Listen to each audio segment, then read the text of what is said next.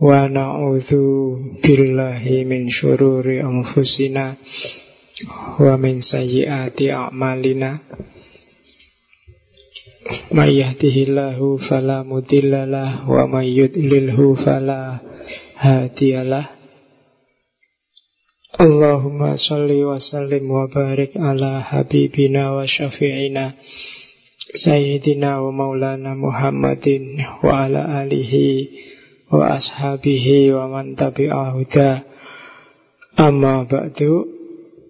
Bismillah kita lanjutkan ngaji kita. Malam ini kita nyampe ke setelah ateis. Kita ke agnostik.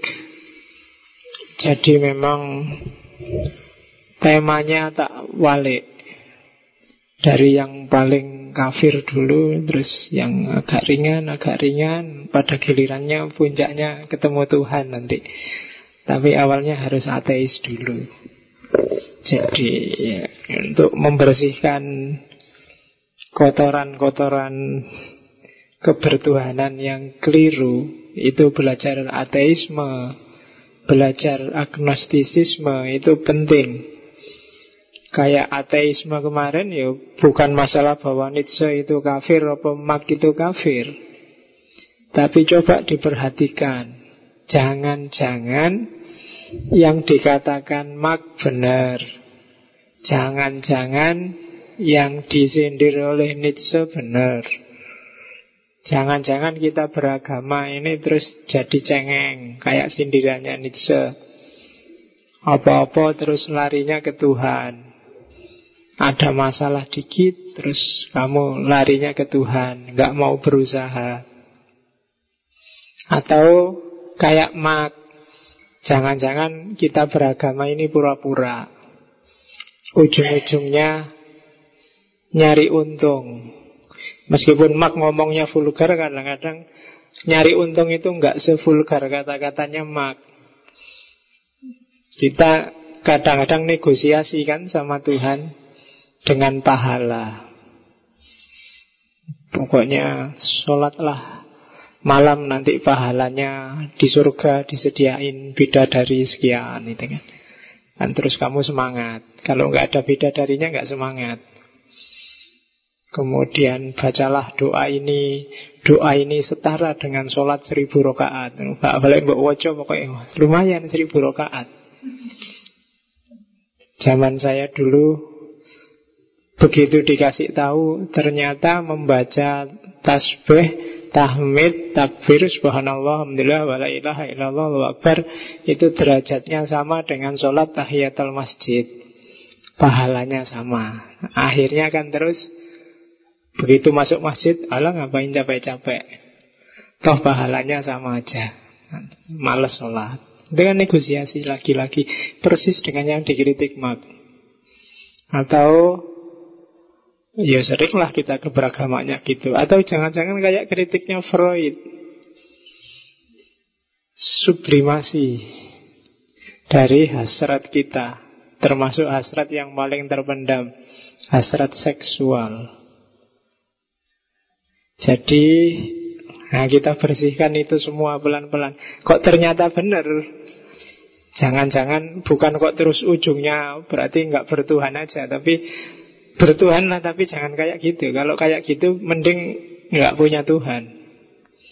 Itu kritikannya Nietzsche sama kritikannya Marx. Malam ini kita agak lembut sedikit dibandingkan ateisme. Kita ngomong agnostisisme Agnostisisme itu lebih lebih ke arah epistemologi. Cara berpikir kalau ateisme ngomong posisi, ngomong kondisi mental yang tidak percaya itu ateisme. Tapi kalau agnostisisme ini lebih ngomong ke pemahaman. Agnostik. Jadi kalau kemarin ontologi ketidakpercayaan, sekarang kita ngomong epistemologi. Oke, bismillah kita ngaji bareng-bareng. Bareng guru besar. Eh. Jabatan yang tidak mungkin tak raih itu guru besar. Sampai kapan pun besarku ya cuma segini. Jadi jangan nunggu saya jadi guru besar. Orang mungkin sampai sesuk ya semua ini Eh, ya diterapi ya raiso Meninggikan badan tiwas tulangmu tadi panjang ya enggak, enggak bisa besar. Oke Agnostik Saya enggak tahu kalian pernah dengar istilah ini apa enggak. Harusnya sudah kalau kuliah Enggak pernah bolos.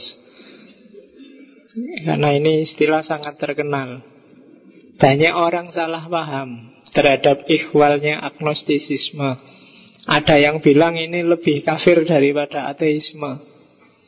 Ada yang bilang ini isinya orang yang cuek sama sekali pada agama Nggak peduli sama adanya Tuhan.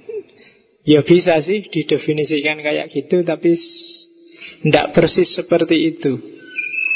Maka malam ini kita pelajari biar tidak salah paham. Kalian pakai istilah agnostisisme Bismillah Kita lihat slide pertama. Seperti saya bilang minggu lalu, kayak ateisme itu sebenarnya basisnya adalah kata-kata teis dikasih awalan A.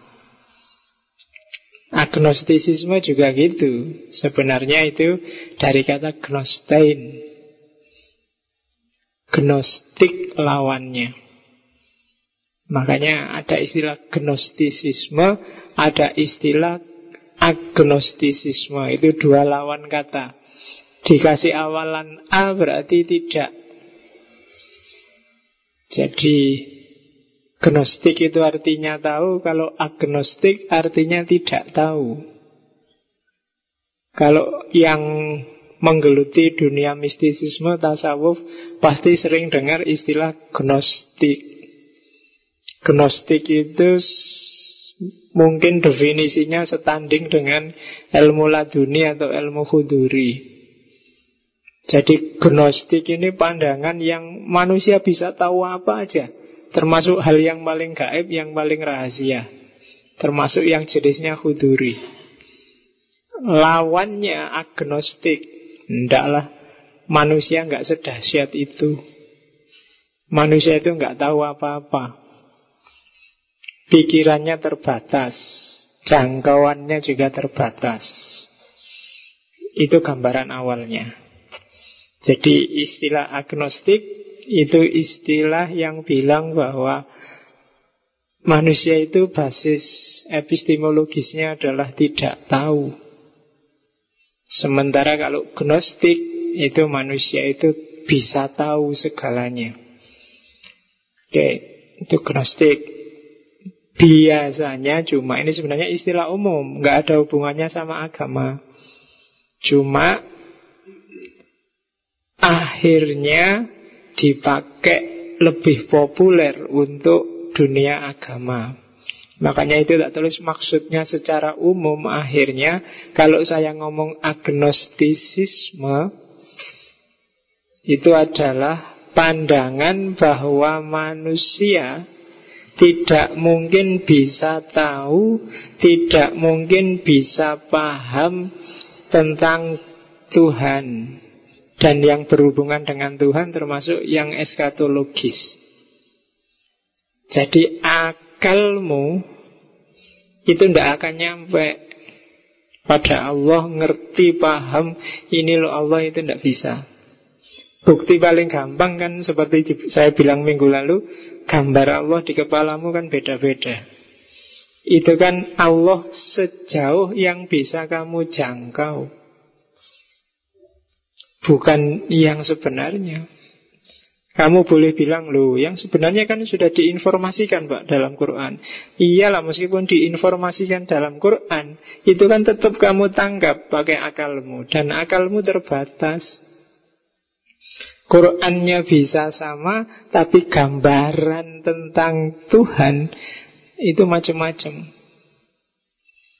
Buddha misalnya, kemarin kita belajar agama Buddha begitu lembutnya, begitu kasih sayangnya. Tapi dalam prakteknya, Sampai ada Buddha cabang Myanmar yang agak sadis itu Kamu kan heran Kok bisa ya Buddha bisa gitu Kemudian tokoh Walubi ngadep ke Jokowi terus bilang, ah itu Budanya mereka beda sama Buddha kita pak. Ternyata Buddha juga macam-macam. Apalagi Allah. Allahnya ISIS dengan Allahmu mungkin agak gesreh konsepnya. Mereka kan kalau ngomong mesti Allah. Mari kita tegakkan agama Allah. Mari kita perjuangkan agama Allah. Kok beda sama Allahmu? Allahmu santai-santai. Allahnya mereka kemerungsung sekali. Itu berarti Allah yang ada di kepala. Jangkauannya memang sampai ke situ. Sesuai konteks historis masing-masing. Oleh karena itu katanya orang agnostik, Ndaklah kita ndak bisa menjangkau Allah Apalagi eskatologis Akhirat, surga, neraka Ndak bisa diakui aja. Nah itu itu maksud umumnya. Orang pertama yang bilang pakai istilah agnostik untuk konotasi ketuhanan, konotasi agama itu Thomas Huxley. Orang ini nanti juga yang dikenal mempopulerkan filsafat perennial. Sebenarnya bukan ahli filsafat tapi ahli biologi. Kata-kata ini dicetuskan sekitar tahun 1869. Cuma analisis model agnostik itu bukan Huxley yang pertama. Sudah banyak orang yang bergaya agnostik. Bahkan di dunia Islam ada pikiran, ada jenis teologi yang baunya agnostik. Misalnya namanya teologi negatif. Teologi negatif itu kamu tidak bisa memahami Allah kecuali diserba tidakkan lewat jalur negatif. Allah itu gini tidak, Allah itu gitu tidak, selalu tidak. Kayak bahasanya Quran, laisa kamislihi syai'un. Lah kalau laisa kamislihi syai'un apa ya bisa kamu pahami. Setiap kamu pahami kan dia jadi syai'un. Tapi begitu dia jadi syai'un, Quran bilang laisa kamislihi, ndak kayak gitu. Nah kalau ndak kayak gitu loh siapa yang kamu sembah selama ini? Nah itu kritiknya agnostisisme. Jadi kalau kamu bilang Udahlah, kamu tidak akan ngerti kayak gimana Allah yang sebenarnya Itu kayak agnostik. Udahlah, percaya aja Surga, neraka itu tinggal dipercaya. Nggak usah digambarkan Akalmu nggak nyampe. Begitu akal dihentikan Dengan alasan nggak nyampe Itu kan kayak agnostik. Sebelum itu di agama lain banyak. Yang tercatat di buku-buku ya para filosof India. Kalau filosof Yunani ada Protagoras dan beberapa filosof sofis. Kebanyakan filosof skeptis karena gaya agnostik ini sebenarnya cabangnya skeptisisme. Selalu bertanya, selalu curiga. Kalau Protagoras ini sangat kritis pada agama-agama. Sehingga dimusuhi banyak orang di Yunani sampai buku-bukunya dibakar. Itu Protagoras. Bahkan dalam bab tertentu Sokrates juga gayanya agak agnostik. Banyak filosof yang menyarankan gaya berfilsafat paling bagus adalah agnostik. Nanti kita lihat, meskipun nggak harus untuk agama loh ya. Karena agnostisisme itu agak identik dengan skeptisisme. Dan skeptisisme itu alamat kamu akan tanya terus karena tidak percaya terus. Jadi untuk kesehatan akalmu kamu sekali-sekali harus agnostik, tidak gampang percaya kalau ada berita. Hari ini kebanyakan orang agnostik, Nonton TV langsung percaya Lihat berita langsung percaya Ada daftar artis yang bisa di booking Ini kok gue kan langsung percaya Masalahnya heboh. Tidak pernah ada klarifikasi Tidak pernah ada itu. Nah, Itu gaya agnostik. Kalau filosof dia harus agnostik. Tidak percaya dulu sebelum ada buktinya. Oke.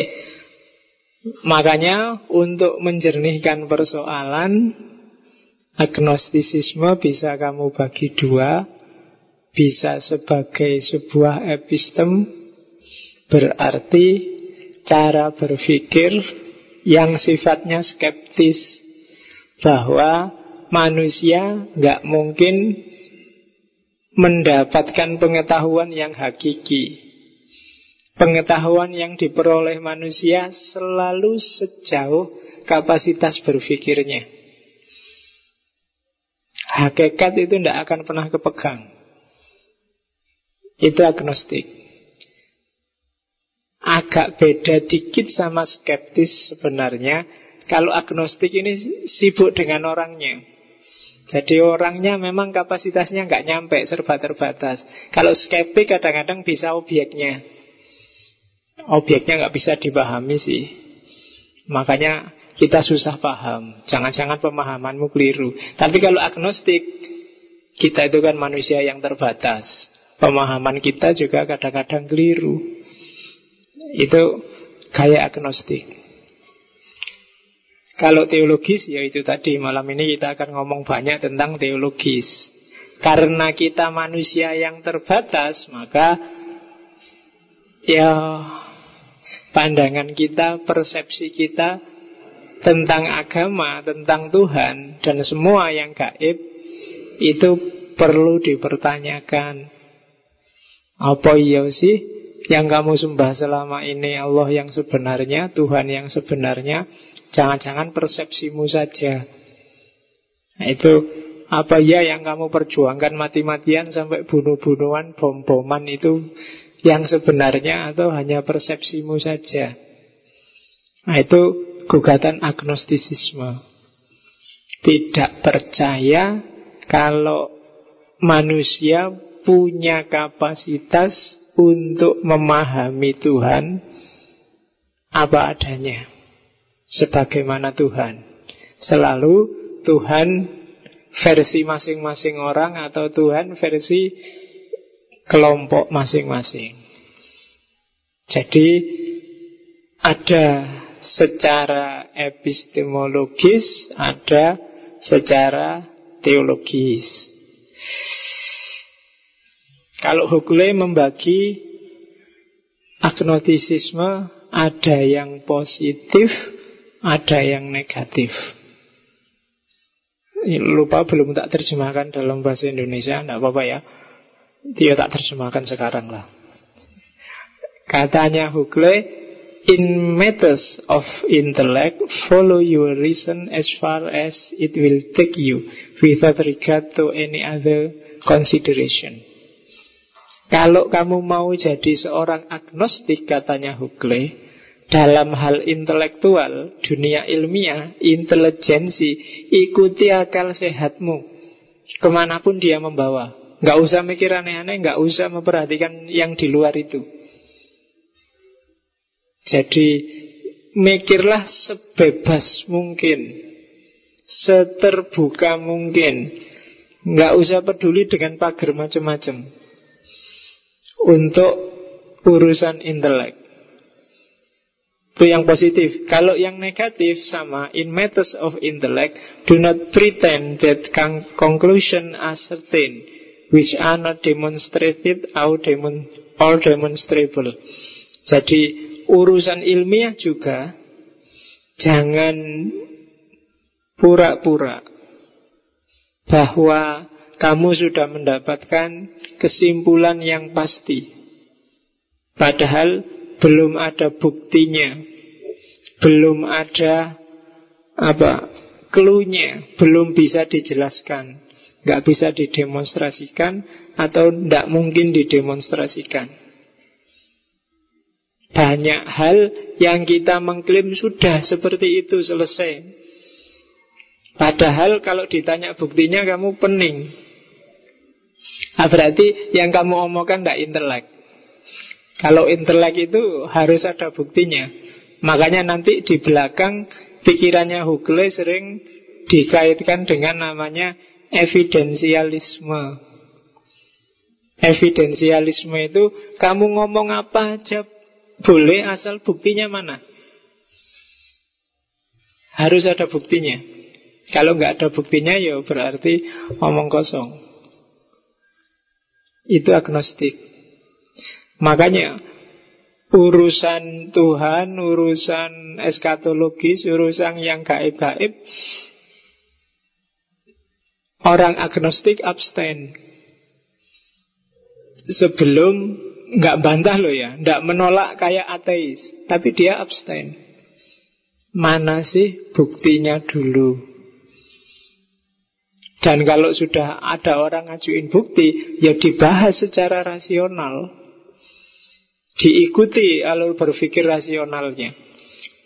Sampai ketemu sebebas mungkin Nggak boleh ada pagar. Kalau ada pagar-pagar ada batasan-batasan Nanti jadi masalah lagi Tidak intelek lagi. Dan biasanya orang bulat di pagar-pagar itu Maka katanya Hukle Bebas saja mikir. Nggak berak Biasanya karena orang kalau sudah percaya duluan Beragama duluan Itu pagarnya banyak Jangankan ngomong kayak gini aja kadang-kadang kamu ya enggak, enggak berani. Kamu tanya aja pernah nggak janjane Allah itu ada bener nggak sih? Kamu kan tanya aja takut. Padahal kalau katanya Anselmus, faith itu jadi iman itu selalu seeking understanding. Sebenarnya iman itu selalu tanya Selalu ingin dijelaskan secara ilmiah. Hanya kita sering membungkamnya. Kamu diam-diam kan sering tanya Jangan-jangan malaikat yang nyatet amal baik, amal buruk itu kayak gimana ya profilnya? Apa dia memang nongkrong di pundak kita terus nulis? Apa sekarang nggak ada buku ganti laptop Apa sekarang? Cuma direkam aja Dia bawa kamera digital terus kita direkam besok dikasih Allah. Nggak ada. Kamu kan tak, tanya gitu aja kamu kan agak takut-takut gimana Khawatir dianggap melecehkan. Dan akhirnya yo ya percaya tinggal percaya. Padahal iman itu kalau plus paham itu lebih mantap. Nah, makanya Hugle dan banyak orang agnostik mempertanyakan. Meskipun ndak agnostik nggak selalu jatuhnya jadi ateis. Nggak selalu jatuhnya anti Tuhan Hanya dia mempertanyakan Makanya saya bilang Ini kebanyakan ranahnya epistemologis jadi nggak selalu agnostik lebih kafir daripada ateis. Yang jelas kalau orang itu agnostik berarti dia lebih mengandalkan akal pikirannya. Makanya banyak tokoh yang murtad, banyak orang beragama yang keluar dari agama. Misalnya hari ini kan banyak karena kecewa dengan agama-agama, itu biasanya dia tidak pindah agama. Tapi mendeklarasikan diri sebagai agnostik Banyak tokoh-tokoh Kayak kemarin Richard Dawkins Kayak Ibnu Warok Kayak itu semua bilang bahwa saya sekarang ateis Kayak Bertrand Russell. Jarang yang bilang saya Eh saya sekarang agnostik. Jarang yang bilang saya ateis. Para filosof itu kebanyakan bilang saya agnostik belum sampai ateis, ya agnostik itu nanti yang yang tidak ekstrim kan kalau ada bukti ya saya mau percaya, kalau enggak ya enggak. Itu agnostik. Oke. Agnostik ya sama skeptis. Saya bilang tadi, ya ini sebenarnya satu rumpun. Agnostik itu bagian dari skeptisisme.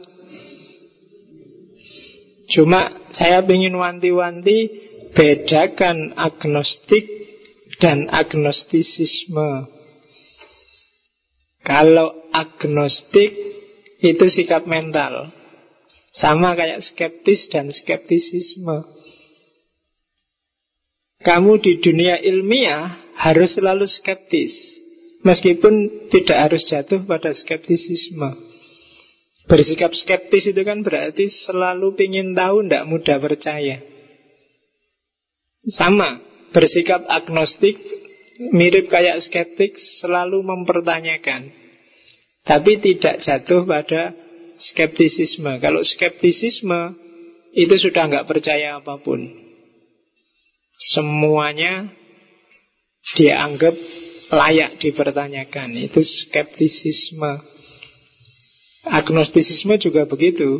Berarti semuanya tidak ada yang bisa dijangkau oleh akalnya manusia. Tapi kalau agnostik itu sikap, mendekatan. Jadi saya punya perilaku mendekati persoalan ini secara agnostik dulu.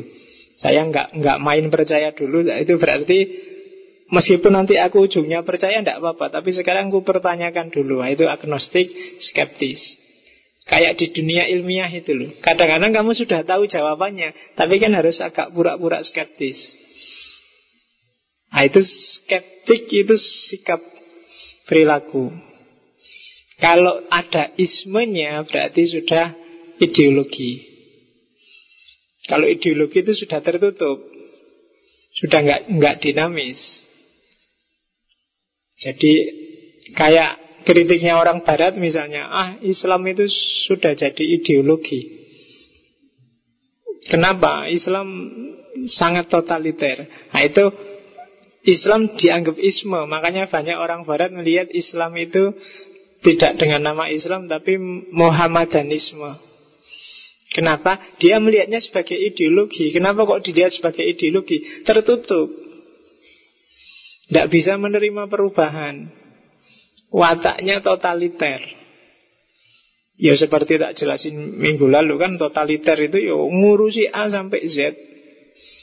Barang paling kecil sampai paling besar diurusi dan nggak boleh diubah. Mulai kencing sampai kawin dibahas dan nggak bisa diubah, disikapi dogmatis. Itu kan namanya totaliter. Kalau totaliter jadinya ideologis. Totaliter itu kan berarti ada pakemnya. Kan sering tak contohkan, kencing ada kencing kan ada pakemnya. Kamu harus masuk ke kamar kecil, tidak boleh ngadep kiblat, harus sambil jongkok Kemudian kalau bisa bajunya semacam sarung jadi tinggal ngangkat Terus kakinya diangkat satu biar airnya keluarnya lancar Terus kalau mau selesai harus dehem dua kali Biar, ya dehem dua kali itu ada di kitab kuning Biar tuntas habis kemudian detail sampai detail kayak gitu diatur maka dia jadi ideologis, nggak bisa berubah. Sekarang ada perubahan kencing itu pakai Kayak di mall-mall, di hotel-hotel kan Kamu tinggal berdiri, ngacung kene, dur, beres. Tidak harus jongkok. Tapi tidak bisa kalau pakai ideologi lama. Itu kencing. Kawin juga begitu. Gimana sekarang dengan internet? Kamu bisa kawin pakai Skype boleh nggak? Pakai Skype itu kan dia yang di sana juga ketemu. Atau walinya nggak datang, cuma dia sambil nelfon. Dah, saya setuju sebagai walinya, boleh nggak? Hadirnya wali itu kalau suara itu boleh nggak? Oh, itu kan kalau aturannya sangat rigid, sangat kaku, orang bingung sendiri. Nyembelah itu harus Bismillah dulu, Terus kalau sangat detail gitu Gimana kalau sekarang banyak mesin penyembelah itu Apa cukup orang yang mau nyalain mesin bismillah Atau mesinnya disetting bisa baca bismillah sendiri. Mungkin dikasih suara, dikasih anunya Setiap kali mau membelai mesinnya bilang Bismillahirrahmanirrahim. Bismillahirrahmanirrahim Apa gitu. Nah, kamu bingung kenapa? Karena ada aturan yang dipakemkan. Selama ini itu yang disebut totaliter. Kalau ini kamu anggap nggak bisa berubah, harus kayak gitu pak, itu sudah paten. Itulah nanti yang disebut ideologi. Dia jadi isme. Maka yang bikin Islam dituduh isme itu sebenarnya bukan yang nuduh yang kurang ajar. Kamu sendiri menjadiin agamamu jadi isme. Pokoknya Islam yang benar yang ini loh ya. Yang di luar itu ndak Islam. Pakemnya sudah ini. Itu berarti dia jadi isme. Makanya Barat menuduhnya bukan Islam tapi Mohamedanisme. Dan itu yang terjadi hari ini kan akhirnya kalian rebutan kebenaran. Ah salah, pakemmu keliru, yang benar pakemku. Setiap orang akhirnya apa? Lahir ideologi kecil-kecil. Barat nuduhnya ideologi Muhammadanisme. Salahnya Barat bukan Islam kok dituduh isme, tapi keliru Barat. Ismenya nggak sebesar itu, ismenya nggak sebesar itu. Ismenya itu cuma kecil-kecil. Ada Muhammadiyah isme, ada NU isme, ada Safiisme ada Sunisme ada Siisme kan itu. Jadi ternyata lebih kecil lagi ideologinya. Masing-masing totaliter Dengan ajarannya. Nah itu isme. Sama agnostisisme, skeptisisme gitu. Kamu bisa Kamu berani mendekati apa pun secara skeptis, secara agnostik Kecuali kelompokmu sendiri atau keyakinanmu sendiri kan gitu biasanya. Berarti apa? Keyakinanmu sudah jadi isme, sudah jadi ideologis yang tidak bisa diowah-owah. Dia mesti benar, mesti bagus, mesti baik. Oke. Nah, dari peta besar skeptisisme, agnotisisme itu hanya cabang kecil. Dia bisa disebut skeptisisme yang religius. Saya tidak jelasin lagi skeptisisme. Dulu ngaji-ngaji awal Seingat saya sudah. Kita pernah ngaji dengan judul skeptisisme. Silakan di, dibaleni lagi. Sebenarnya Untuk mengantarkan ke agnotisisme ini Ya skeptisisme itu tadi Yang jadi pengantarnya Oke Pengantar selanjutnya sebelum ke ide dasarnya agnostik. Nanti ada dua jenis agnostik, cuma ke, sebelum dua jenis itu perhatikan ada perbedaan antara belief dan acceptance. Percaya dan menerima.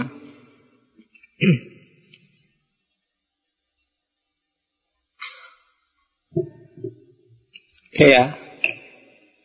Menerima itu kalau bahasa Islamnya mungkin ridho.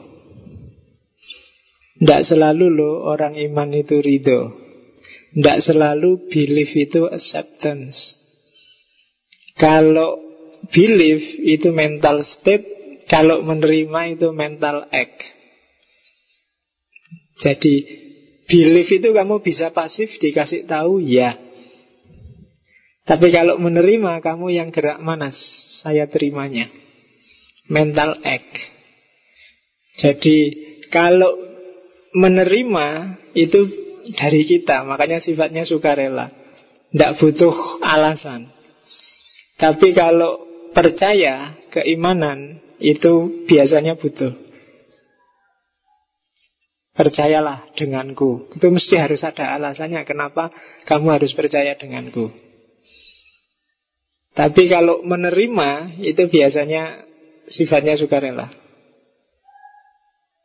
Jadi ya kalau di Islam disebut ridho.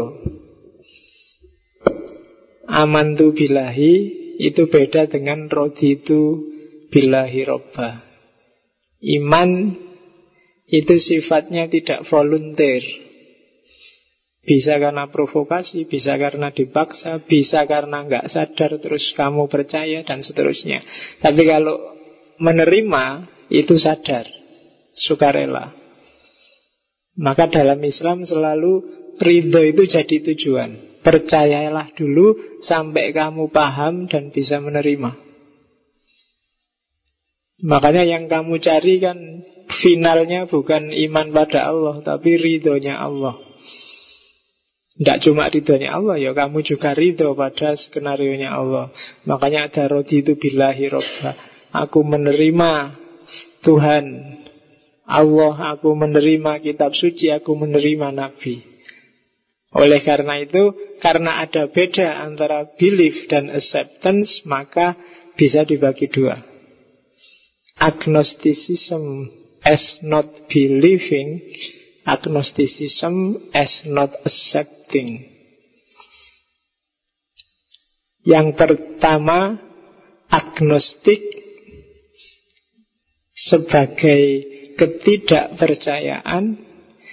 Yang kedua, agnostisisme sebagai tidak mau menerima.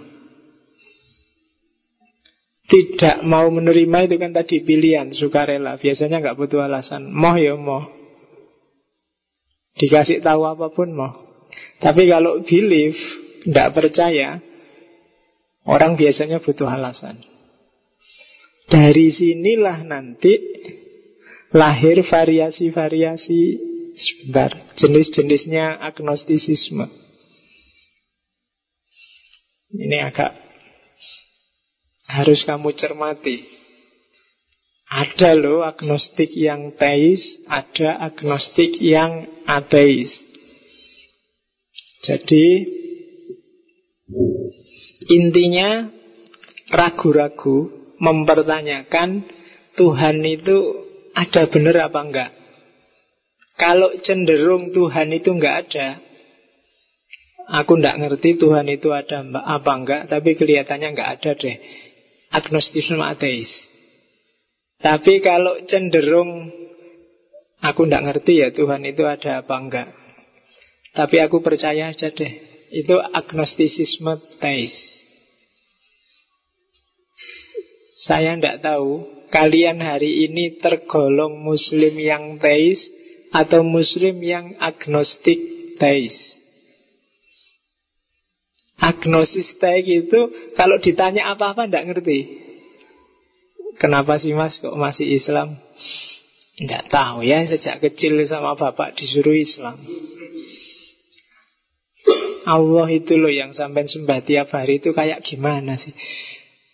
Tidak tahu juga ya Pokoknya sholat niatnya kepada Allah Lillahi ta'ala gitu aja kan Ditanya apa aja Raisan jawab keberagaman yang kayak gimana? Ya tidak ngerti disuruh sholat ya sholat puasa nggak ngerti aku nggak ngerti apa-apa. Tapi aku percaya ada Tuhan. Itu sebenarnya bukan teis tapi agnostik teis. Apalagi kamu bilang tidak butuh saya pak tahu itu. Yang penting sholat ikhlas puasa ikhlas nanti besok masuk surga di surga banyak bidadari, bisa makan sak kapoe di sana, bisa ngangkring dari pagi sampai malam, bisa. Wah. Mikirnya ngono dok, tapi disuruh menjelaskan tidak bisa. Surga itu kayak gimana sih situasinya?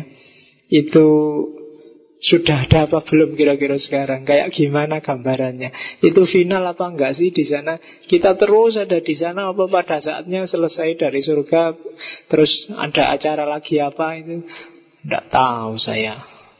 Yes, pokoknya Quran bilang gitu ya percaya aja. Quran juga saya nggak paham, ngaji juga jarang. Nggak usah ditanya macam-macam lah, Pak, nggak ngerti saya. Ha, itu sebenarnya agnostik. Nggak tahu. Pikiran saya nggak nyampe Pak belajar yang gitu-gitu. Terlalu dalam itu Pak. Itu sebenarnya agnostik. Jadi kalian bukan teis murni. Tapi sebenarnya agnostik teis. Meskipun kalian ngaku teis. Saya orang yang beragama loh Pak. Saya orang yang bertuhan loh Pak. Meskipun kalian ngamuk-ngamuk, marah-marah, pakai jubah, mukuli orang banyak. Tapi kalau ditanya nggak paham, kenapa kalian mukuli? Tujuannya apa, karena apa, siapa sih yang kalian bela? Membela Islam. Islam itu apa kok dibela?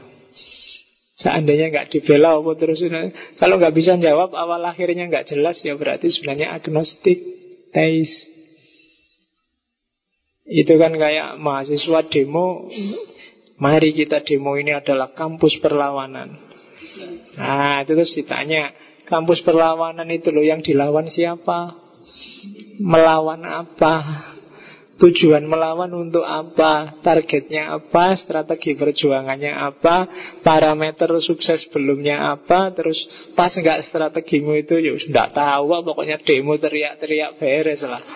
Ya itu. Itu berarti kamu golongannya agnostik. Iya, demo yang agnostik. Tidak jelas kenapa demo dan juga kenapa nggak demo juga tidak jelas. Yang penting perlawanan, ayo melawan. Ah, jadi itu jenisnya. Kalau ateis tidak percaya. Tidak paham ditanya apa-apa. Oleh karena itu menurut saya ya Tuhan itu tidak ada. Surga neraka itu tidak ada. Kalau ini agnostik yang ateis. Ada juga yang apatis. Kalau minggu lalu disebut apateisme atau agnostisisme pragmatis. Ini Tuhan ada atau enggak? Ya bisa ada bisa enggak Pak? Saya enggak tahu. 50-50 Kalau tadi kan condong ada Yang satu condong enggak ada. Kalau ini 50-50 Enggak tahu Pak. Ya mungkin nanti kalau ada buktinya ya saya percaya. Kalau enggak saya enggak Itu apatis. Nah kalau urusan bukti terus pecah jadi dua. Ada agnostisisme kuat Ada agnostisisme lemah. Agnostisisme kuat itu Biasanya Mutlak manusia secara alamiah Tidak akan bisa paham tentang Tuhan, dewa, eskatologis. Kalau agnostisisme lemah tidak mutlak sih. Yang jelas hari ini Sekarang saya belum bisa memahami. Tapi besok mungkin Ada buktinya Akalku terbuka Terus jelas persoalannya. Mungkin besok. Itu namanya agnostisisme lemah Kalau agnostisisme kuat nggak mungkin kita bisa paham Kalau agnostisisme lemah Sekarang saya nggak paham nggak tahu besok itu agnostisisme lemah. Jadi agnostisisme lemah itu ya kayak saya satu ketika ada mahasiswa tanya, "Pak, akal itu kan terbatas, Pak. Apa bisa kita mikir bebas?" Bisa. Lo kan terbatas. Iya, akal itu terbatas. Tapi kan kita nggak tahu batasnya. Sampai apa? Batasnya akal adalah kalau kita mentok. Dan mentoknya kita itu besok mungkin ketemu. Dan semakin luas lagi batasnya. Besok ketemu lagi yang misalnya sekarang mentok di sini, wah ini kok buntu ya? Nggak ada jawaban. Ya sudah mentok di sini, itulah batasnya. Tapi besok yang mentok ini kok kebuka, oh iya ternyata jawabannya itu yang tadi mentok itu. Kan batasnya minggir lagi, lebih ke sini lagi, terus mentok lagi. Tapi kalau kebongkar lagi terus mentok lagi kan gitu. Dulu mengobati lepra itu mukjizat. Tapi begitu kebongkar, oh ternyata rahasianya ini tuh Nabi Isa dulu berarti oleh Allah diajari mengobati lepra kayak gini. Sekarang sudah bisa saya. Bukan mukjizat. Oh caranya nggak mempan dibakar itu gampang Pemadam kebakaran sekarang semua bisa Kayak gini tuh. Sekarang nggak mujizat lagi Dulu akalmu mentok memahami itu Wah luar biasa dibakar nggak apa-apa. Uh luar biasa orang sakit lepra bisa. Nah, tapi kan sekarang ketemu semakin batasnya semakin lebar semakin lebar. Jadi akal itu ya terbatas tapi kita tidak tahu batasnya. Dan batasnya selalu semakin luas semakin luas. Itu sebenarnya yang diramalkan oleh Hegel Dunia ini berkembang ke semakin rasional, semakin rasional. Pemikiran selalu semakin luas. Tidak pernah menyempit, kecuali dihentikan sendiri oleh yang bersangkutan. Difinalkan sendiri oleh yang bersangkutan. Nah, agnostisisme lemah, persepsinya semacam itu. Ya, sekarang saya tidak tahu. Tapi sopo ngerti besok, tiba-tiba pikiranku terbuka. Oke, jadi ada agnostik ateis, ada agnostik teis, ada apateisme, ada agnostisisme kuat dan agnostisisme lemah. Jenisnya itu.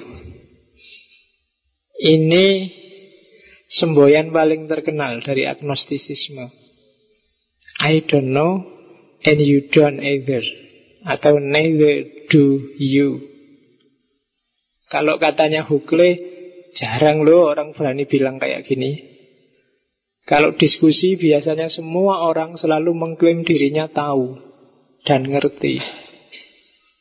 Kemarin yang tentang ngaji langgam Jawa itu Semua ikut komentar, semua ikut diskusi Seolah-olah semua ahli fikih, ahli Quran Padahal ya podo ngerti kabeh Jarang orang berani gentle bilang Aku ndak ngerti dan kamu juga ndak ngerti Ngapain kita capek-capek diskusi jadi kalau kamu ngerti kok ngomongnya pada ngelanturi mbok wis daripada capek nyanyi aja penonton TV.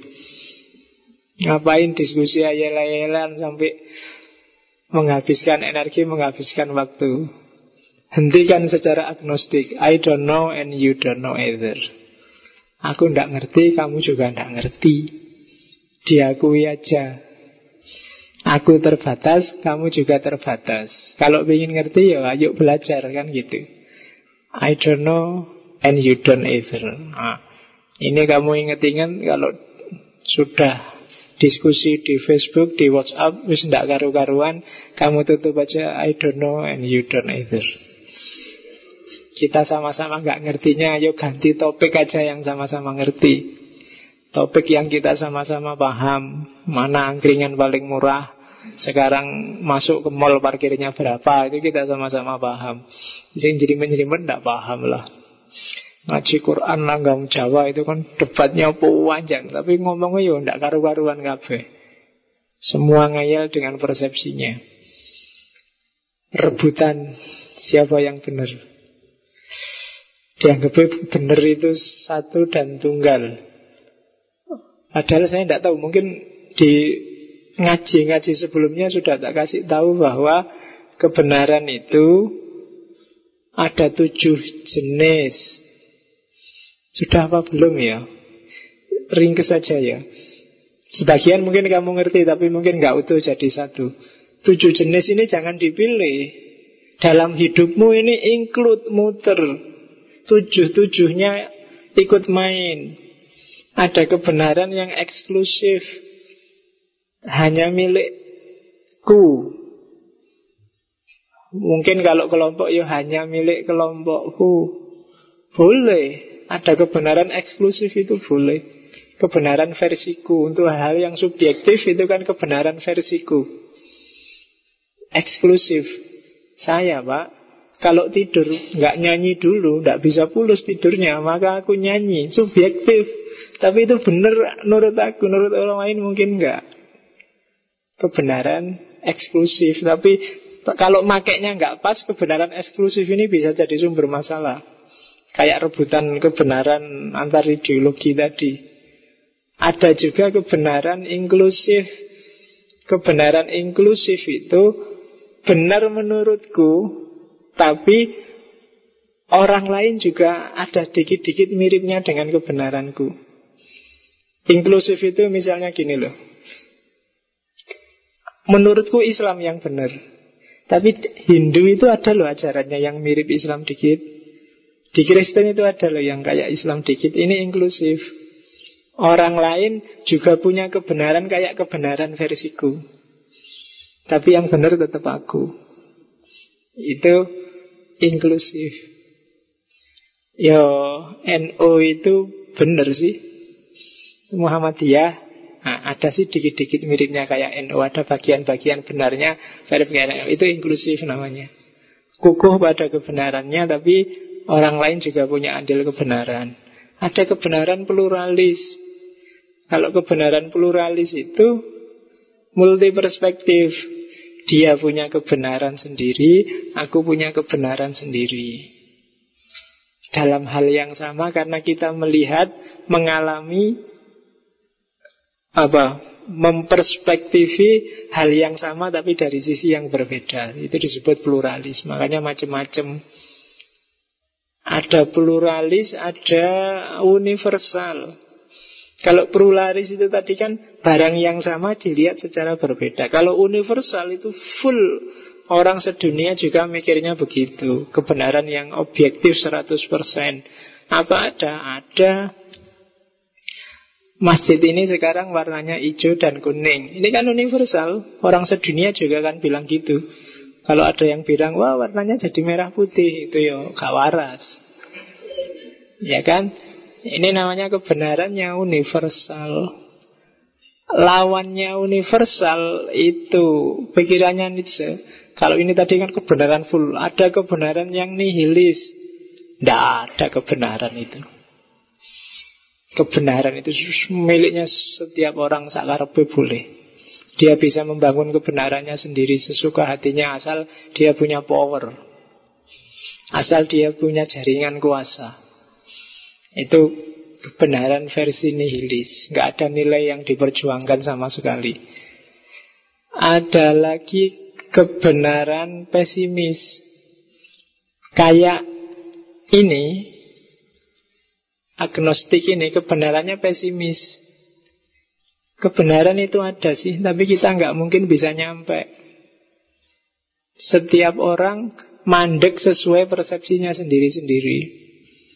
Itu kebenarannya sifatnya pesimis. Ada lagi model sufi. Kalau model sufi kebenarannya monistik. Monistik itu ya seluruh dunia ini kebenaran. Semua berada dalam skenario-nya Allah. Semua modusnya sunatullah sudah ada apa pun yang baik, yang jelek, yang benar, semuanya benar. Wong itu diskenario oleh Allah untuk keseimbangan alam monistik, kebenaran versi sufi. Bahkan dalam peristiwa paling menjijikkan sekalipun ada kebenaran di situ. Itulah cara Allah untuk bikin keseimbangan, memperingatkan manusia, mengembalikan harmoni. Nah, itu kebenaran monistik. Yang paling salah sekalipun ada benarnya. Karena melihat realitas yang satu. Dan seterusnya itu sebenarnya pelajaran epistemologi. Di kapan-kapan kita ulang lagi tentang kebenaran. Jenis antagonisme, saya kembali ke sini minggu lalu saya sudah ngomong ini. Kalau di prosentase ada agnostik, imparsial agnostik, strong agnostik. Itu sebenarnya mirip kayak ini tadi.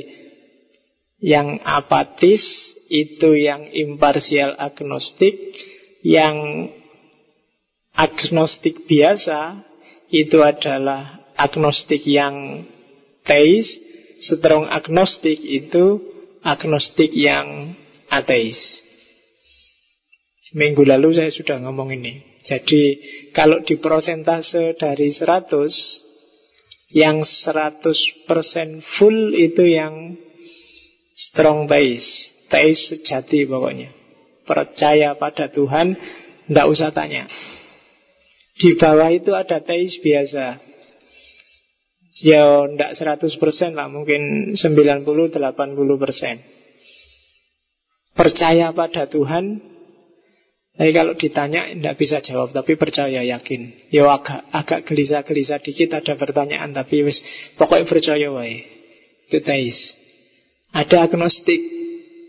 Nggak nyampe 50% sih Tapi ya lebih lah 60-an lah tidak percaya sih, ragu-ragu Tuhan ada benar apa enggak, tapi cenderung ada. Kalau yang imparsial itu yang apatis tadi, 50-50. Bisa ada, bisa enggak. Kalau yang strong, yang ateis. Tidak pasti aku, Tuhan ada apa enggak, tapi kelihatannya enggak ada deh. Itu strong agnostik. Jadi pembagiannya semacam itu. Ya kamu tinggal cek sendiri kamu pernah gelisah nggak? Pernah tanya-tanya nggak? Kalau kamu nggak pernah tanya-tanya sama sekali, tinggal dicek kamu percaya nggak pada Tuhan. Kalau nggak pernah tanya sama sekali, nggak percaya itu namanya strong ateis. Nggak pernah tanya sama sekali dan beriman itu namanya strong theis. Kalau kadang-kadang tanya dan kamu cuekin, ndak lah. Tetap Allah itu ada, itu teis. Kalau pertanyaanmu menggelisahkan, kok ada apa enggak ya? tapi aku harus tetap percaya. Itu agnostik biasa. Tapi kalau bisa ada, bisa enggak. Aku ragu-ragu 50-50 ini. Itu imparsial agnostik. Tapi kalau ada benar enggak ya, kelihatannya enggak ada deh. Mana pengaruhnya? Nah itu strong agnostik. Itu pembagian-pembagiannya. Bisa model kayak gini juga kalau mau dibagi. Ada agnostik teis, ada gnostik teis. Ada gnostik ateis juga ada. Full pengetahuan tapi tentang ateisme. Kalau ini agnostik berarti tidak pasti tapi tentang ateisme. Ada agnostik ateis kayak tadi, ada gnostik teis. Tinggal kamu definisikan dengan peta ini. Lingkarannya semacam itu. Oke, sekarang kita masuk ke filosof-filosofnya. Itu tadi baru pengantarnya. Makanya aku ngelirik jam Kira tutup Loh ya kan intinya di sini ngaji filsafat itu. Siapa saja yang masuk jadi A. Oke, bismillah. Immanuel Kant, inspirat faktornya ini tadi agnostik memisahkan antara Tuhan dengan pikiran semoga masih ingat dengan orang ini Immanuel Kant nomena dan fenomena orang tidak bisa menyentuh nomena semua yang ditangkap oleh manusia itu fenomena. Teh ini apa adanya nggak ada. Yang ada teh menurut aku wong sudah tak lihat. Teh menurut kamu wong sudah kamu lihat. Loh, kalau sebelum saya lihat pak, ya kamu nggak ngerti apa-apa. Dan kamu nggak tahu ada teh ini apa enggak. Begitu kamu ngerti ada teh ini kan sudah teh menurut kamu. Jadi teh apa adanya itu tidak pernah tersentuh. Yang ada adalah fenomena teh menurut kamu. Tidak bapak saya nggak komentar sama sekali. Tidak, tetap kamu menyerapnya versimu. Mungkin, wah teh kok tidak terlalu coklat ya, mesti ngirit tak mirip sekarang. Jadi versimu kan. Oh tehnya terlalu manis ya duitnya lagi oke mungkin akhir bulan mungkin tehnya sudah nggak terlalu manis lagi itu versimu meskipun kamu nggak mau komentar itu akalmu bilang ini ini sudah versimu atau oh gelasnya kok gede teh orang misalnya itu kan selalu komentar selalu teh menurut kamu.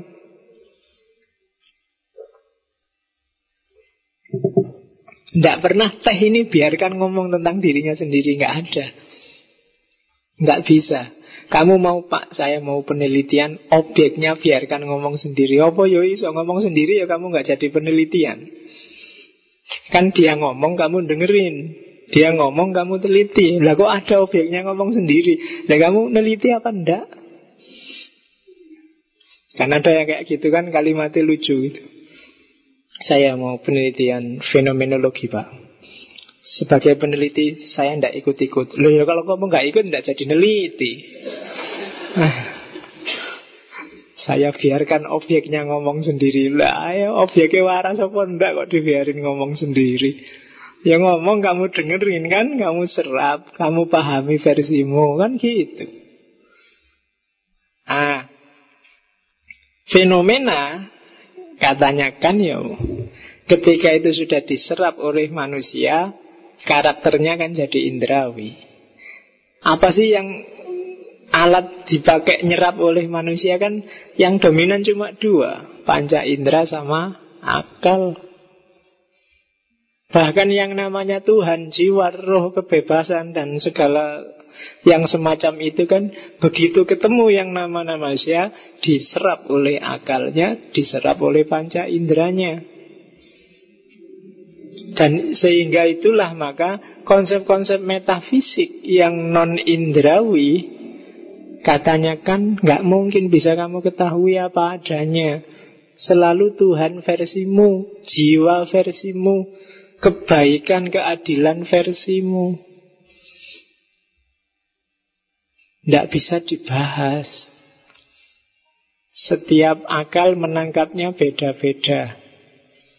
Itu nanti yang bikin Immanuel kan terkenal dengan independensinya bahwa filsafat harus agak ngalah dikit ngasih ruang untuk agama.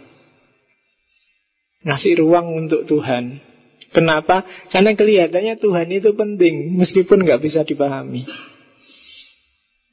Pentingnya Tuhan di mana? Untuk moralitas. Jadi aslinya Immanuel kan ini agnostik. Tuhan nggak bisa dipahami. Jadi orang nggak bisa nyampe ke Tuhan. Cuma dalam dalam filsafat moralnya kan Tuhan harus dihadirkan. Demi apa? Moralitas. Kenapa Tuhan harus dihadirkan? Biar manusia mau bermoral. Apa alasannya? Yaitu ada tiga hal yang menurut Immanuel kan nggak nggak bisa dipahami, nggak masuk fenomena, tapi harus jadi postulat, dia harus wajib ada demi moralitas. Yang pertama kebebasan, yang kedua keabadian atau akhirat, yang ketiga Tuhan. Kenapa kebebasan harus ada? Meskipun susah sekali didefinisikan, ya karena moralitas butuh kebebasan. Orang tidak bisa disebut bermoral kalau dia nggak bebas. Kamu nggak bisa disebut jujur kalau kamu sebenarnya dipaksa orang untuk jujur. Anak kecil itu nggak bisa disebut apa baik kalau dia hanya manut apa kata ibunya. Baru kalau sudah besar dia bisa disebut baik atau buruk. Kamu memperkosa orang, tapi karena dipaksa, diancam mau ditembak. Ayo kalau nggak kamu perkosa tak tembak lu. Kamu kan nggak bisa dihukum itu. Loh saya dipaksa ya pak Kalau ditembak gimana Daripada ditembak saya yang nembak Loh Karena apa? Lah aku tidak bebas dipaksa Daripada mati kan nah, Maka moralitas Butuh kebebasan. Kalau merkosa tadi pilihanmu sendiri Baru kamu bisa kena Ah kamu nggak bermoral. Nah, Bisa kan dibilang gitu. Yang kedua Butuh keabadian Kan kan dikenal dengan imperatif kategorisnya. Kenapa butuh keabadian? Keabadian berarti harus ada hidup sesudah mati loh. Nggak boleh berhenti di hidup dunia ini saja. Kenapa? Banyak orang bermoral, moralnya baik. Dia sengsara terus sampai mati. Kalau ini dijadikan dasar, kalau setelah mati selesai, tidak ada orang mau bermoral. Ngapain capek-capek bermoral? Wong yo habis mati selesai. Yang penting harusnya kan kita nyari enak aja di dunia ini.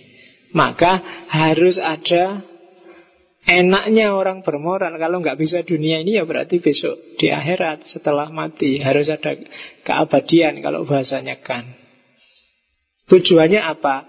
Yang untuk hisap pembalasan. Yang baik dapat reward baik, yang jelek dapat hukuman. Cuma untuk ini tak jelaskan gampang-gampangan aja, nggak terlalu jelimet. Untuk pembalasan di akhirat, di hidup yang abadi ini, kan harus ada panitianya. Nah, ketua panitianya siapa lagi kalau nggak Tuhan? Maka Tuhan harus ada. Jadi harus ada kebebasan karena dengan itu orang bisa dihitung dia bermoral apa enggak bermoral. Harus ada hidup sesudah mati, harus ada keabadian. Karena dengan ini ada balasan bagi yang bermoral, ada hukuman bagi yang tidak. Karena kalau enggak ada ini, orang putus asa untuk melakukan perilaku moral. Cuma siapa yang berhak balas, berhak ngukum kan enggak mungkin juga manusia. Harus ada yang di atas manusia yang jadi panitianya tadi. Maka Tuhan harus ada. Jadi Tuhan Tidak bisa dipahami Tapi dia harus ada sebagai konsekuensi adanya moralitas Itu Immanuel Kant Cuma gaya berpikir yang fenomena-nomina tadi Itu sejenis agnostisisme Sebenarnya Tuhan itu nggak bisa dijangkau. Lah Tuhannya kayak gimana ya kita nggak tahu katanya kan. Pokoknya dianggap harus ada saja. Nah, itu Immanuel Kant. Nah, yang sangat terkenal lagi agnostik itu positivisme logik. Ya, positivisme kontemporer dengan tokohnya Ayer dan kawan-kawan. Saya tidak tahu mungkin next time ada sesi filsafat ilmu. Jadi positivisme logik ini melanjutkan positivisme. Bagi mereka kebenaran itu hanya yang empiris dan rasional. Itu dalam tanda kurungnya keliru. Rasional itu maksudnya logis dan matematis. Hanya itu aja yang disebut benar dan ilmiah. Di luar itu, yang metafisika-metafisika, yang ngomong yang gaib-gaib, itu meaningless. Meaningless itu bukan berarti keliru, tapi tidak ada artinya. Gak bisa dibuktikan salah, gak bisa dibuktikan benar. Meaningless. Capek loh kamu tiwas capek bahas ngapain Nah ini jenis agnostik juga Ngapain kamu capek-capek bahas tentang Tuhan itu Nulis buku berjilid-jilid tentang Tuhan. Wong sama-sama nggak ngerti aja kok. Wong sama-sama ngarang. Kenapa ngarang? Wong kita juga nggak tahu Hakikatnya seperti apa. Nulis buku tentang surga neraka tebel-tebel. Eh, Kayak gimana surga neraka kita juga tidak tahu. Meaningless. Diskusi agama, diskusi eskatologis, diskusi tentang Tuhan itu. Meaningless itu bukan berarti salah.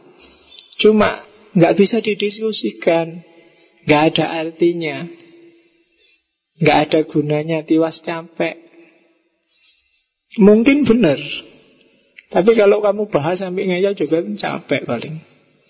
Kalau kamu bilang hati-hati loh ya di masjid ini, wow serem itu. Itu kan gaib. Tidak bisa dibuktikan empiris rasional. Mari kita buktikan sekarang. Nggak ketemu. Jangan dibuktikan beneran loh. Nanti kamu takut sendiri. Biasanya kan kamu gitu. Nah, terus Kira-kira kayak gimana ya buktinya? Ya tidak ada wong, namanya aja gaib. Tidak fisik, tidak empiris, tidak rasional. Kalau kamu mau membuktikan, mau membahas, mau mendiskusikan, nggak ada gunanya. Meaningless. Meaningless saya bilang tadi nggak mesti salah. Tapi ngapain capek-capek untuk sesuatu yang tidak ada bukti fisiknya dan nggak masuk akal. Termasuk tentang Tuhan, tentang surga, neraka, malaikat, setan, jin, iblis, dan kawan-kawan. Saya pernah ada diskusi panjang mulai jam 8 pagi sampai jam 4 sore. Temanya cuma satu, apa bedanya jin, iblis, dan setan. Lama sampai ngantuk-ngantuk itu bahas, wah dalil ayat. Kelihatan luar biasa wong memang. Tapi kalau dipikir-pikir meaningless. Ya sampai terakhir juga tidak jelas apa beda nih.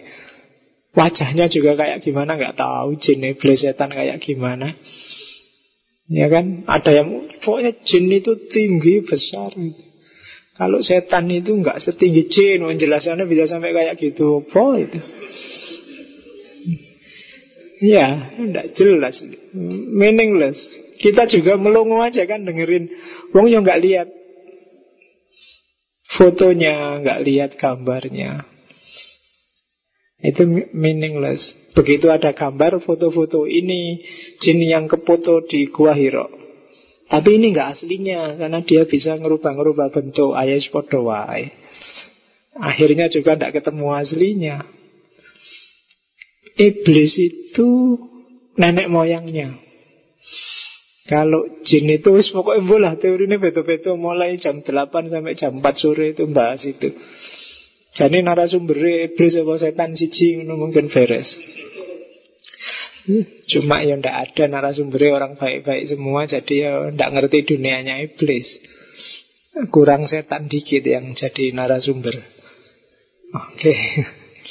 Ya siapa ngerti lagi narasumber Terus kesurupan itu kan beres Harusnya ngundang yang di TV-TV itu kan Terus dia cerita sendiri Aku iblis Aku itu kayak gini mungkin bisa Tapi kan meaningless Hal-hal yang tidak mungkin dijangkau secara empiris dan rasional. Maka positivisme logik juga merintis lahirnya agnostisisme.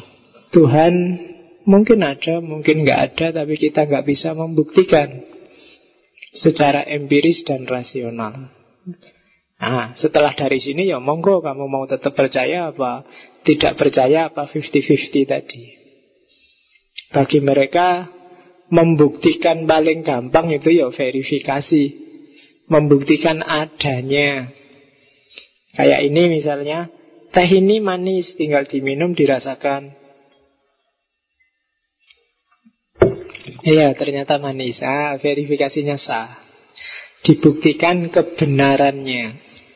Nah, ada lagi ideologi lawannya positivisme logik, tapi juga sama agnostiknya. Namanya falsifikasi Popper. Falsifikasinya Popper itu sebenarnya lanjutan positivisme logik, cuma pembuktiannya bukan verifikasi, falsifikasi. Kenapa kok tidak verifikasi? Katanya Popper, ya justru ilmu itu berkembang karena falsifikasi. Dibuktikan salah. Kalau teorinya gula ini manis, dibutuhkan manis, selesai nggak nambah apa-apa. Ilmu pengetahuan itu berkembang Kalau teori awal bilang gula ini manis Ternyata begitu diminum Loh kok pahit? Ganti teori kan Berkembang ada teori baru, teori baru Teorinya burung gagak itu hitam Iya tapi kalau ketemu gagak hitam, oh iya bener. Ketemu lagi gagak hitam, oh iya bener. Nggak ngerubah apa-apa, nggak nggak nambah ilmu, nggak nambah teori. Tapi justru teori ilmu itu berkembang karena falsifikasi. Sopo ngerti ada yang lihat, lo ada gagak warnanya kuning, lo ada gagak warnanya putih. Teori baru muncul. Maka katanya Popper, yo prinsip pengetahuan itu falsifikasi bukan verifikasi. Awalnya persis kayak positivisme logik, cuma bedanya di mode pembuktiannya. Ini juga sangat agnostik karena ukurannya positif, rasional dan empiris. Yang tidak rasional empiris tidak bisa difalsifikasi. Ya itu tak kasih contoh. Kalau semua burung gagak warnanya hitam, gampang kan? Nyari burung gagak yang tidak hitam beres. Tapi kalau di agama bilang semua burung gagak itu bertasbih pada Allah. Wah, itu memfalsifikasi ini susah. Kayak gimana ya? Kapan kita nemu burung gagak? Lah itu nggak tasbih, itu bingung. Ya kan, langit dan bumi semua bertasbih. Kira-kira kapan ya langit itu capek terus nggak tasbih? Lah itu buktinya pas nggak tasbih, nggak iso. Atau agama bilang Orang yang selalu mengalah dan sabar itu akhirnya akan sukses sesuai firman Allah misalnya. Itu dibuktikan salahnya luar biasa kamu tidak akan ketemu. Kalau ada orang sabar kemudian ngalah kok tidak sukses-sukses kamu akan bilang tunggu aja nanti akhirnya dia mesti sukses. Allah tidak akan bohong.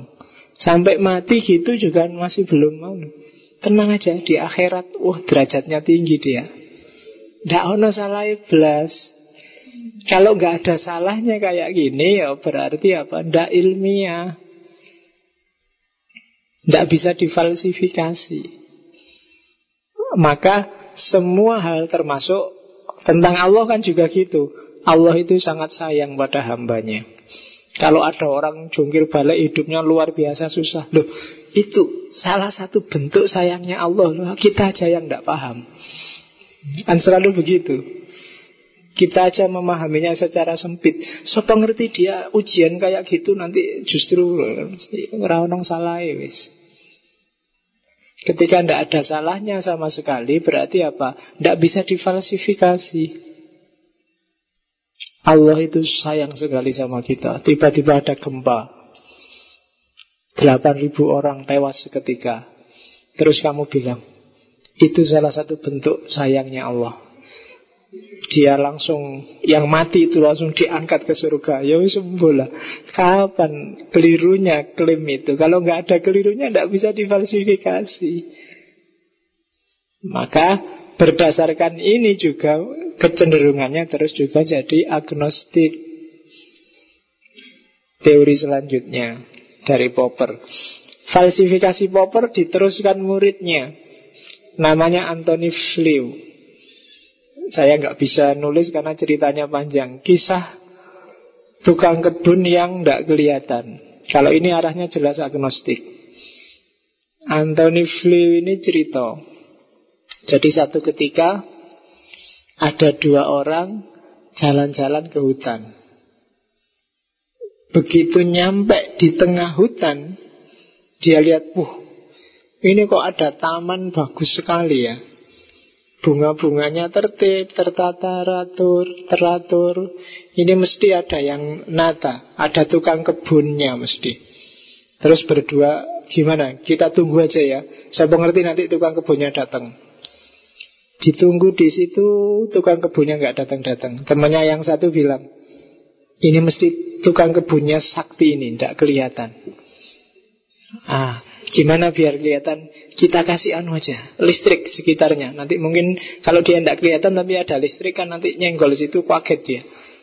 Ya wis Kasih listrik. Dikasih listrik ditunggu dua hari juga Tidak ada perubahan apa-apa. Wah kapan ini datangnya ya? Tapi yang berarti nggak ada tukang kebunnya. Ada. Paling ini tukang kebunnya kuat luar biasa, sakti luar biasa. Kalau listrik nggak mempan, kita kasih jebakan pasir aja sekelilingnya. Nanti kan paling nggak nanti tapaknya kelihatan di situ.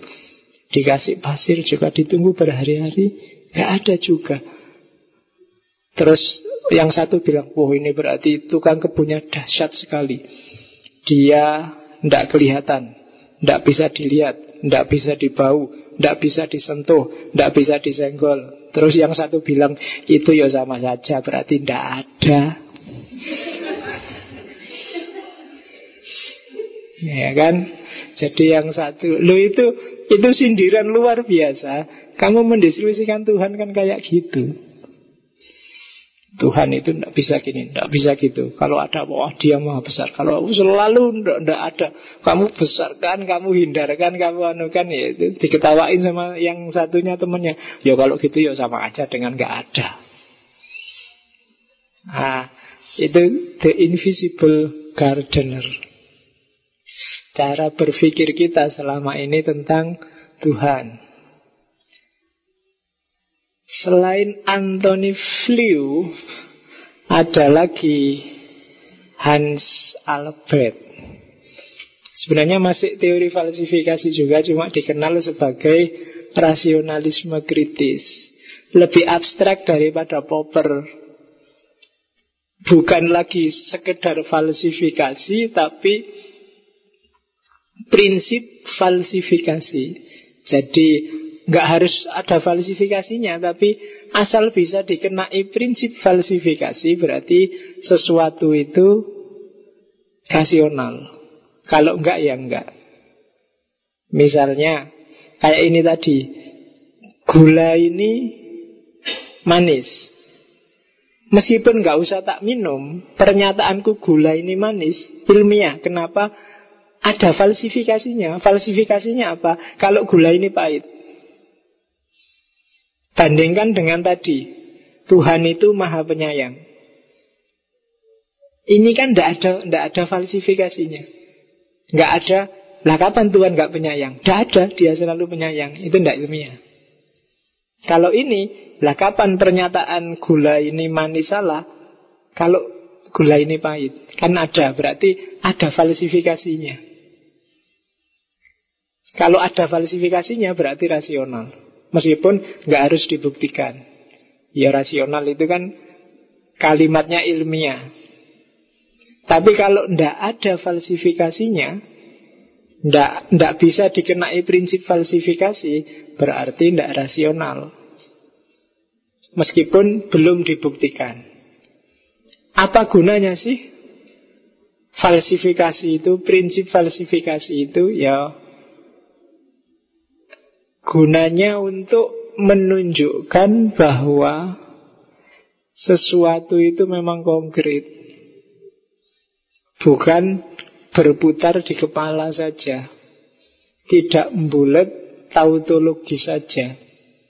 Tidak abstrak melulu. Kalau abstrak melulu tidak ada kenyataannya. Kalau tidak ada kenyataannya, dia mainnya hanya di kepalamu. Hanya di konsep-konsep. Maka ada prinsip dapat difalsifikasi. Nah, untuk dapat difalsifikasi berarti apa? Tidak boleh ada kebenaran akhir. Kebenaran yang puncak yang tidak bisa salah sama sekali. Kalau nggak bisa salah sama sekali, kayak tadi, justru tidak ilmiah. Kenapa sih harus ada yang tidak bisa salah Kenapa sih nggak boleh ada yang puncak, nggak boleh ada yang akhir? Karena nanti akan muncul tiga persoalan. Kalau ada kebenaran puncak, maka yang terjadi apa? Infinite regress. Infinite regress itu penjelasan yang harus dijelaskan lagi, harus dijelaskan lagi. Jadi pernyataan pertama saja nggak cukup. Allah akan selalu menolong hambanya. Begitu kamu susah, kok ini Allah kok nggak nolong-nolong toh, butuh penjelasan lagi. Yang penjelasan ini butuh penjelasan lagi. Nanti dijelaskan lagi, butuh lagi penjelasan. Itu kan kayak kayak tukang jual jamu yang bilang bahwa minumlah jamu ini dalam waktu seminggu maka tubuhmu akan langsing. Begitu kamu minum kok ndak langsing? Terus kamu komplain ke tukang jamunya Pak kok ndak langsing? Loh Semen minumnya berapa kali? Tiga kali salah Harus empat kali. Terus kamu pulang Kamu minum empat kali. Tetap nggak langsing Pak kok ndak langsing? Ya minumnya sudah empat kali sudah. Tapi semen makannya sehari berapa kali? Tiga. Oh salah. Makannya dua kali saja penjelasan selanjutnya. Oh dua kali ya sudah pulang. Gitu. Begitu pulang makan dua kali seminggu, lu kan tidak langsung lagi kamu.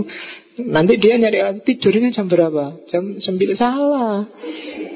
Tidurnya harus jam 12 ke atas Jadi mbok kamu datang 20 kali Balik ya tetap yang salah dirimu Bukan obatnya yang nggak bisa melangsingkan Itu namanya infinite regress Jadi butuh alasan terus menerus Begitu kamu bohong sekali, dikejar terus kan kamu butuh alasan terus. Mohon maaf Pak, tadi telat. Karena motor saya bannya kembos Pak. Oh, terpaksa saya harus naik bis Pak. Ya sudah, tapi kok tetap telat sudah naik bis. Bisnya mogok juga Pak. Karena itu ya Akhirnya tetap telat. Lah bisnya mau kok, kok tetap kamu naik ya Pak? Sudah saya ganti bis Pak, tapi bis selanjutnya juga gitu juga Pak. Terus terus kamu akan bikin kebohongan-kebohongan. Infinite regress. Tentang Tuhan kan juga begitu. Kok aku ini sengsara? Katanya Tuhan itu penyayang. Ah bukan. Tidak selalu kok Tuhan itu ngasih musibah itu untuk musibah. Kadang-kadang ujian. Tenang aja. Orang diuji itu berarti mau naik kelas Dan kamu sabar terus Ini kapan naik kelasnya Pak? Sudah bertahun-tahun aku susah ini kan? Loh yang sabar aja Orang sabar itu akan nemu kemuliaan Kamu tunggu sampai mati ya Nanti kiaimu bilang Alhamdulillah kamu ahli surga ini nanti Jadi tidak ada, tidak ada habisnya Karena kebenaran ini dianggap final butuh penjelasan lagi, penjelasan lagi. Itu yang pertama. Yang kedua, yaitu tadi, biasanya kamu jatuh dalam lingkaran setan logika. Kamu terpaksa harus merasionalkan apa pun. Ilmu kalam lah. Ilmu kalam itu kan lingkaran setan logis tentang agama. Dijelaskan. Besok kita bisa lihat Allah enggak? Debat enggak karu-karuan. Ya enggak mungkin bisa lah. Allah itu kan goib non fisik, sementara mata ini fisik. Enggak bisa lihat Allah yang satu. Ah, Allah itu kan maha kuasa. Mata ini lihat Allah apa susahnya? Allah kan bisa mengejawantah diri jadi fisik. Lah, enggak bisa. Kalau Allah jadi fisik, dia turun derajatnya. Nanti ada yang serupa dengan Allah Diskusi tidak karu-karuan Padahal tidak jelas besok kayak gimana Seolah-olah Serius akan bisa lihat apa tidak bisa lihat Padahal itu cuma kira-kiranya logika Dan bisa bunuh-bunuhan gara-gara itu kan Quran itu kodim apa makhluk Itu kan metafisik Tapi kan zaman itu Quran kodim apa makhluk itu kan bisa membunuh ratusan ulama. Mehnahnya Mu'tazilah. Itu sebenarnya lingkaran setan logika aja, tergantung cara mikirnya. Ya, apakah yang dimaksud Quran itu yang cetakan Surabaya apa Semarang itu? Apa kalamullahnya? Apa yang wahyu diterima Nabi yang ditulis? Apa yang mana? Kan tidak jelas. Tapi kan pokoknya ditanya Quran makhluk apa kodim yang jawab makhluk disiksa, eh yang jawab makhluk diterima, yang jawab kotim disiksa. Zaman Mu'tazilah. Dan yang terakhir, biasanya kalau sudah putus asa, orang yang ngomong kebenaran mutlak, kebenaran akhir itu, jalan paling akhir adalah dogmatisme. Dah, nggak usah banyak cerewet, diterima aja. Dogmatis. Nggak usah banyak tanya, ini agama, basisnya iman, jangan cerewet. Mau percaya monggo, nggak mau percaya monggo.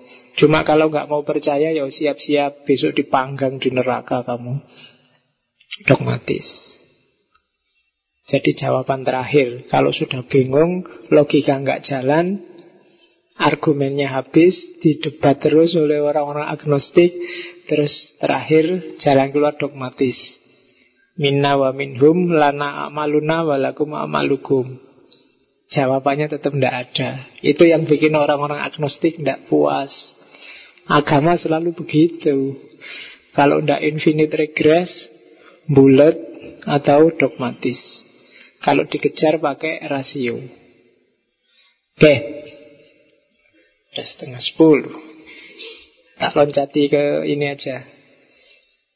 Russell Russell nulis buku Why I'm Not Christian yang nanti menginspirasi Ibnu Warok nulis Why I'm Not a Muslim. Nanti ada juga buku yang judulnya Why I'm Not Theist. Semuanya diinspirasi oleh Russell. Katanya Russell, dia juga ngaku seorang agnostik. Religion is something left over from the infancy of our intelligence. It will fade away as we adopt reason and science as our guidelines. Agama itu adalah sesuatu yang tersisa dari apa? Infansi, infansi itu bayi dari masa kecil dari balitanya akal kita. Ketika akal kita belum terlalu lengkap, ketika kita belum terlalu bisa mikir, kan orang-orang sekelilingmu terus menanamkan yang namanya agama. Harusnya katanya Russell, perlahan-lahan dia tersingkirkan dan hilang saat kita mengadopsi akal dan ilmu pengetahuan. Katanya Rasul ya. Semakin cerdas orang, semakin pinter orang, semakin kecil perannya agama. Kalau nggak percaya, ceklah dirimu sendiri. Berapa persen Allah dan agama bermain dalam hidupmu? Tinggal kamu hitung. Kalau kamu HP-nan, WA-nan, Facebook-an, Allah ikut main apa enggak? Agama ikut main apa enggak? Kalau kamu lagi kuliah, lagi ngantuk-ngantuk dengerin dosen ceramah, itu Allah ikut main apa enggak? Kalau bahkan kamu ngaji kayak gini, tadi kepikiran ngajak Allah ndak? Ke sini. Wah, aku di sini bareng Allah loh. Ada nggak pikiran kayak gitu? Padahal ini rumahnya Allah loh. Kamu pakai ngerasani Allah sejak tadi dan kamu nggak kamu dia nggak kamu sapa sama sekali. Berapa persen? Allah terlibat. Semakin kamu menguasai segala hal di sekelilingmu Biasanya agama Tuhan semakin tersisihkan. Kalau semakin sedikit kamu menguasai lingkungan sekelilingmu Semakin agama terlibat. Zaman dulu sampai pohon aja disembah Laut disembah. Kenapa? Tidak berdaya menghadapi laut Tidak berdaya menghadapi pohon tapi semakin pinter, semakin berkembang sain, semakin kecil peran spiritualitas. Nah, itu menurut Russell masuk akal. Karena dia akan fade away. Kamu boleh bilang, enggak pak, saya enggak sekuler pak, agama selalu ada dalam hidupku. Iya loh, kata-katamu. Tapi dalam prakteknya, kamu sebenarnya agama itu selalu ketinggalan. Tuhan itu selalu nyisip di mana nggak tahu. Kamu melakukan apa pun Allah jarang ikut kan? Ya ikutnya kalau sholat aja kadang-kadang Allah nggak ada sama sekali. Kamu Allah Akbar Bismillahirrahmanirrahim sampai salam itu loh nggak ada Allahnya sama sekali. Yang ada pulsanya habis lah, oh, makalah belum bikin lah, kapan tesis ini jadilah, kapan pikir macam-macam bimbingan dosennya nesu terus ke piye? Allah nggak ada sama sekali sholat itu. Jadi agama semakin tersisi itu konsep pertama dari Russell. Dan ini prinsip pertamanya kelompok agnostik. Ini sindirannya Mark pada orang beragama.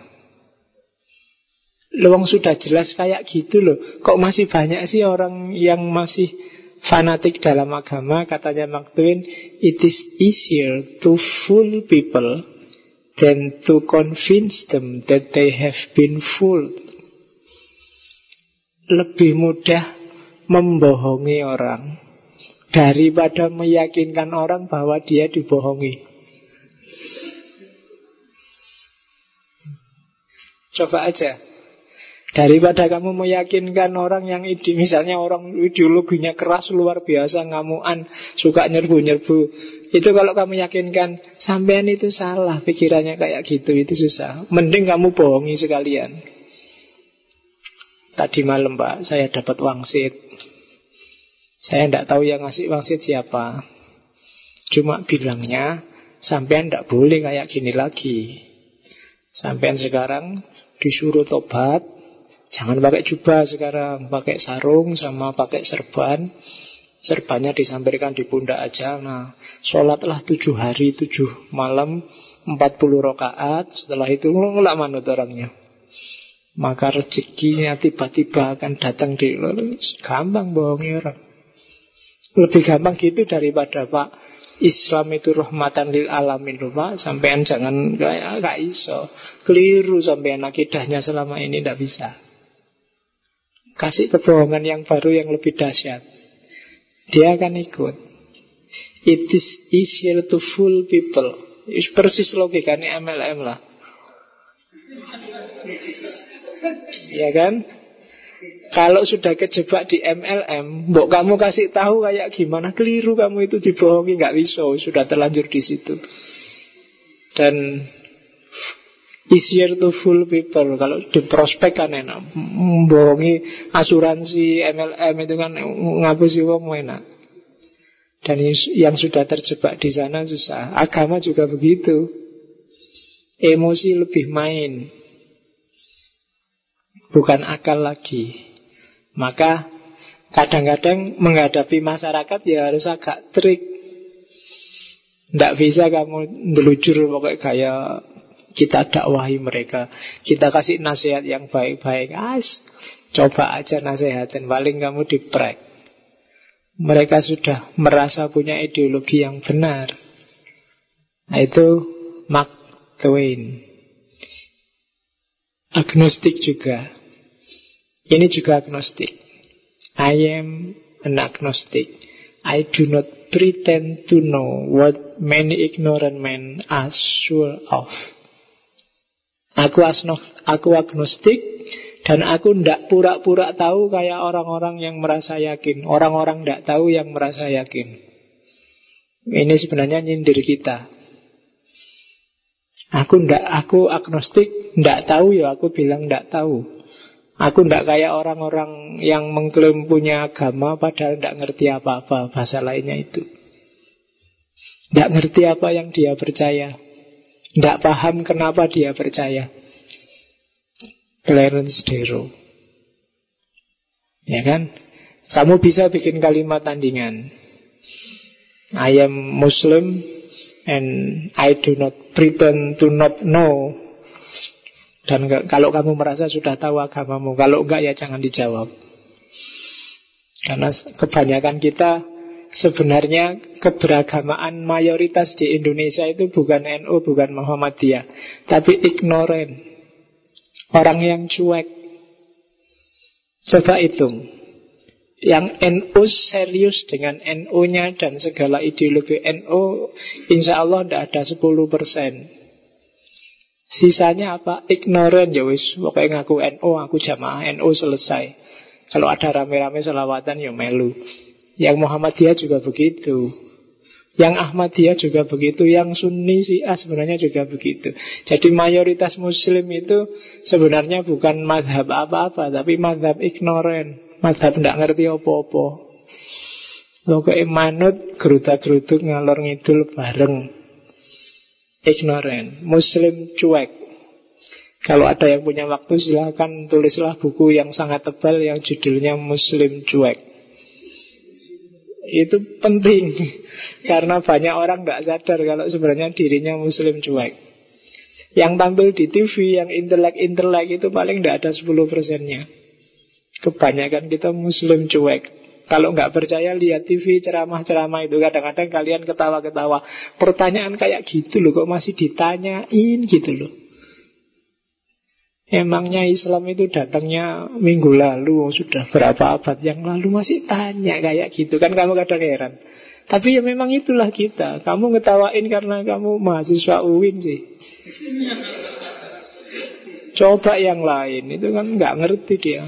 Pak kalau kawin apa harus ada wali itu Pak? Kamu kan ketawa ngekek-ngekek. Oh sampai di mana fikirnya Ayo kamu mahasiswa UIN Yang lain itu banyak yang ignoran Gak ngerti apa-apa Sholat utuh aja syukur.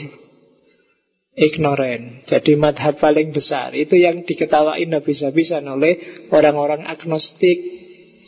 Yang minggu lalu dikritik habis-habisan oleh Nietzsche, Karl Aslinya kita memang mentalitas Buddha Sehingga meskipun sejak puluhan tahun yang lalu Hasan Hanafi bilang Harusnya Islam kiri bangkit Kenapa kok tidak bangkit-bangkit Islam kiri Tetap yang menguasai Islam kanan yang elit Lah yang kiri ignoran semua Orang-orang cuek semua Claire Stero Mekan Agnostik juga. Morality is doing right. No matter what you are told. Religion is doing what you are told. No matter what is right. Jadi ini tesis menurut saya luar biasa bahwa moralitas itu justru antitesisnya agama. Kalau moralitas itu lakukan kebaikan. Apa pun yang orang katakan padamu. Nggak peduli orang bilang apa, berbuatlah baik. Kalau agama, lakukan apa yang dibilang orang. Nggak peduli apakah itu baik atau buruk. Kalau agama kan selalu gitu. Lakukan apa yang dikatakan ustadzmu Lakukan apa yang dikatakan kiaimu Lakukan apa yang dikatakan gurumu. Di agama kan selalu begitu. Kamu selalu ditanya referensinya. Sudah sesuai Quran hadis belum? Belajar dari ustadz siapa gitu itu? Kiai yang mana yang berfatwa gitu? Fatwa ulama mana yang gitu itu? Kan selalu begitu. Doing what you are told. Siapa yang ngomongin kamu gitu Orang jarang bahas konten kan kalau sudah kiai, wah iya kiai itu memang hebat, berarti fatwanya benar. Oh MUI itu yang ngomong, oh berarti sudah pas. Selalu begitu, jarang yang dibahas konten. Jadi agama kebalikan moral. Kalau moralitas itu pokoknya lakukan yang baik. Tidak peduli orang ngomong apa. Kebalikannya agama. Lakukan apa yang diomong orang. Nggak peduli itu baik atau buruk. Itu sebenarnya sindiran. Dia orang agnostik juga. Nah ini pancingan sebenarnya. Kalau tadi sindiran. The dot of your faith is not God testing you. It is truth trying to emerge and free you.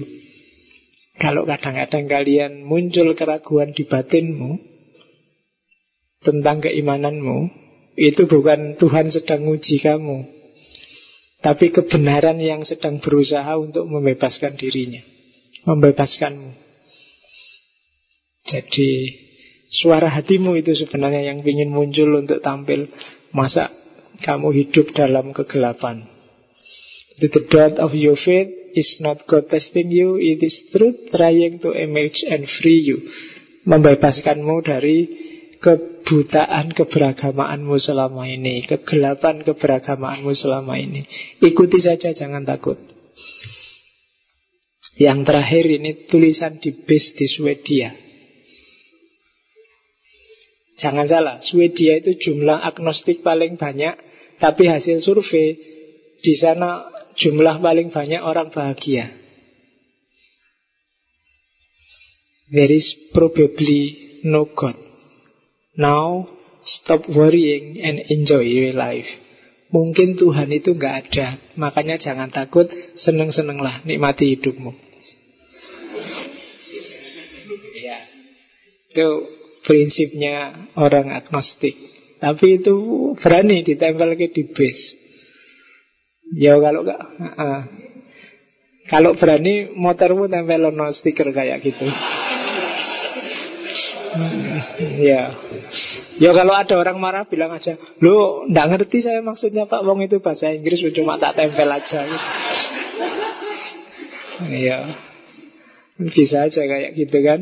Cuma itu Contoh Swedia Yang ateis dan agnostiknya mayoritas. Justru hasil survei menunjukkan negara-negara yang penduduknya paling bahagia. Nomor satu Swedia. Bukan berarti kamu jangan beragama, tapi kesimpulanku ada yang salah dengan keberagamaan kita. Jangan-jangan modenya keliru. Cara kita mengimplementasikan wahyu, ajaran, keyakinan kita keliru. Karena visinya jelas untuk kebahagiaan agama itu.